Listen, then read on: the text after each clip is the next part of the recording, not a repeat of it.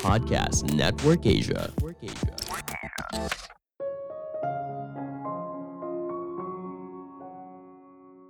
Manajer yang hebat tidak berusaha mengubah kelemahan karyawan. Dia fokus mengembangkan kekuatan yang sudah dimiliki oleh karyawan tersebut. Halo semuanya, nama saya Michael. Selamat datang di podcast saya, Sikutu Buku. Kali ini saya akan bahas buku First Break All the Rules karya Marcus Buckingham dan Kurt Kaufman. Sebagai informasi, podcast Sikutu Buku sekarang bergabung dengan Podcast Network Asia dan Podmetrics loh.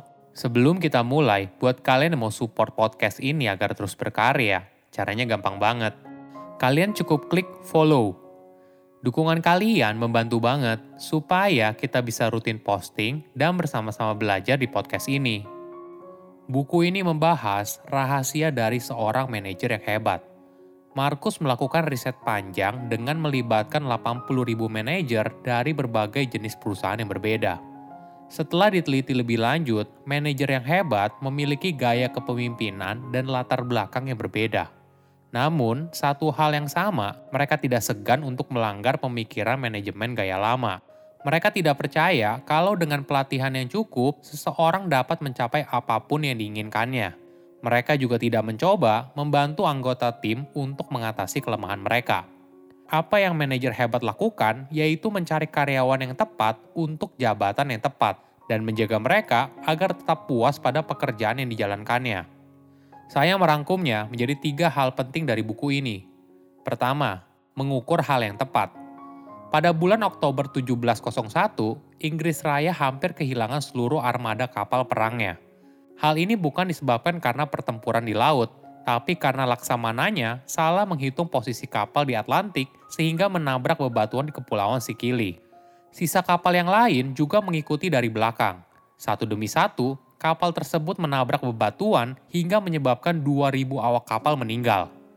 Kejadian ini sungguh tragis, namun perlu dipahami, pada saat itu para pelaut masih belum berhasil menemukan cara yang akurat untuk mengukur garis bujur sehingga tidak ada yang tahu sudah seberapa jauh mereka berlayar ke timur atau barat.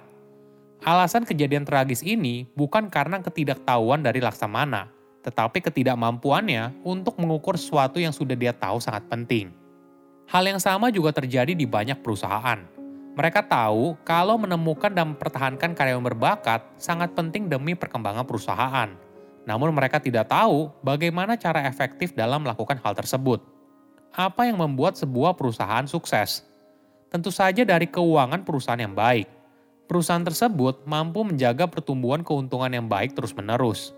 Hal ini bisa dihasilkan dari lingkungan kerjanya yang hebat. Konsumen tidak hanya membeli karena dia suka dengan produknya, tapi setiap interaksinya dengan perusahaan tersebut juga mendorong keinginannya untuk membeli. Kuncinya berada pada karyawan yang puas, Semakin puas karyawan tersebut, maka dia akan dengan senang hati berkontribusi dan membantu perusahaan mencapai target ambisiusnya. Bukan cuma mereka akan bekerja lebih lama di dalam sebuah perusahaan, mereka juga cenderung akan lebih ramah kepada konsumen karena perusahaan ibaratnya sudah menjadi bagian dari diri mereka.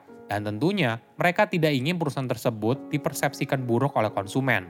Nah, bagaimana cara meningkatkan kepuasan dari karyawan?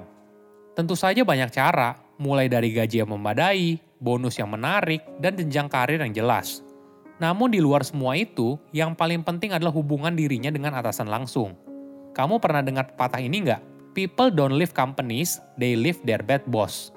Hal ini terjadi karena manajer bertugas untuk menciptakan lingkungan kerja yang baik. Pada akhirnya, mendorong kepuasan kerja dari karyawan tersebut.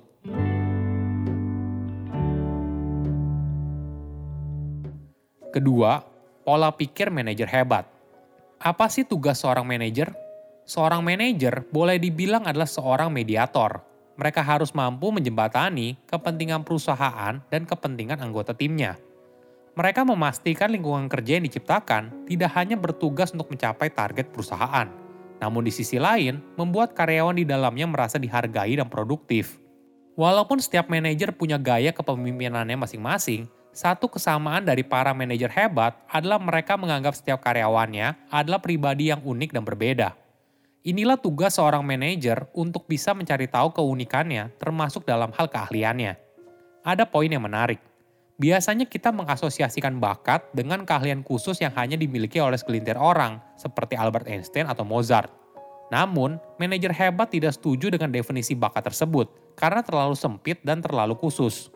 Sebaliknya, mereka mendefinisikan bakat sebagai pola pikir, perasaan atau perilaku berulang yang dapat diterapkan secara produktif. Penekanannya di sini adalah pada kata berulang. Bakat kamu adalah perilaku yang sering kamu lakukan, sehingga akhirnya kamu menjadi seorang yang ahli. Berlawanan dengan kepercayaan populer, seseorang tidak bisa menjadi apa pun yang mereka inginkan. Namun, setiap orang memiliki seperangkat keahlian yang berbeda. Fakta ini yang diketahui dan dimanfaatkan oleh semua manajer hebat. Di setiap posisi, maka setiap karyawan setidaknya butuh salah satu talent yang menonjol. Markus membaginya menjadi tiga bagian, yaitu striving talents, thinking talents, dan relating talents. Striving talents menentukan motivasi seseorang, misalnya daya saing. Orang dengan tipe tersebut termotivasi oleh tujuan besar untuk menjadi lebih baik daripada orang lain. Biasanya, orang ini sangat kompetitif dibandingkan karyawan yang lain. Kedua adalah thinking talents, yang menentukan bagaimana seorang karyawan melihat pekerjaan mereka. Apakah mereka memiliki pemikiran yang linear dan bagus mengikuti perintah, atau mereka merupakan tipe orang yang visioner dan terbuka untuk perubahan. Ketiga adalah relating talents yang menentukan bagaimana seseorang berkomunikasi dengan orang lain. Apakah orang tersebut tidak masalah jika ada konflik dengan orang lain atau malah memilih untuk menghindari konflik?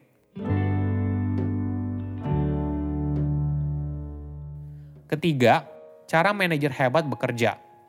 Untuk menjadi manajer yang hebat, kamu harus menerima kenyataan kalau kesuksesan kamu ditentukan dari pekerjaan anggota timmu sendiri. Sebagai gambaran, tentu saja manajer tidak mengerjakan semua pekerjaan. Mayoritas pekerjaan operasional pasti dikerjakan oleh timnya. Yang bisa mereka lakukan adalah memberikan arahan hasil yang baik itu seperti apa, kemudian berikan kebebasan kepada karyawan tersebut untuk bekerja sesuai kenyamanannya.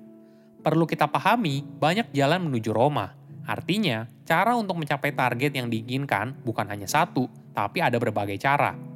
Bukan berarti cara yang dilakukan oleh manajer tersebut pada masa lalu adalah yang terbaik. Jadi, daripada fokus melakukan micromanaging, berikan karyawan kebebasan dalam bekerja. Kebebasan ini akan memberikan karyawan tanggung jawab dalam bekerja sehingga mereka jadi semangat dalam mencapai target yang sudah diberikan. Manajer yang hebat fokus pada poin plus pada karyawan dan tidak berusaha untuk memperbaiki kelemahan dari karyawan tersebut ini tentu saja bertentangan pada gaya manajemen tradisional yang menyarankan seorang karyawan harus memperbaiki kelemahannya. Ingat, seorang manajer punya fungsi untuk merekrut orang yang tepat di posisi yang tepat. Oleh karena itu, penting untuk menciptakan lingkungan kerja di mana karyawan yang punya keahlian di posisi tersebut bisa menjalankan pekerjaannya dengan baik. Misalnya begini, jika ada seorang karyawan yang memiliki kemampuan desain grafis yang hebat, belum tentu dia akan menjadi manajer yang hebat karena keahlian teknis berbeda dengan keahlian manajerial. Namun, perusahaan yang baik akan menciptakan struktur gaji di mana desainer yang hebat bisa mendapatkan gaji tertinggi hingga setara dengan gaji level dasar dari posisi di atasnya. Sistem ini akan mengapresiasi seorang atas kontribusinya pada perusahaan, tidak semata hanya karena jabatan dan masa kerja yang panjang. Manajer yang hebat bertugas untuk merekrut orang yang tepat untuk posisi yang tepat mereka tidak berusaha untuk mengubah kelemahan karyawan, namun fokus mendorong kekuatan yang sudah dimiliki oleh karyawan tersebut. Saya undur diri, jangan lupa follow podcast Sikutu Buku. Bye-bye.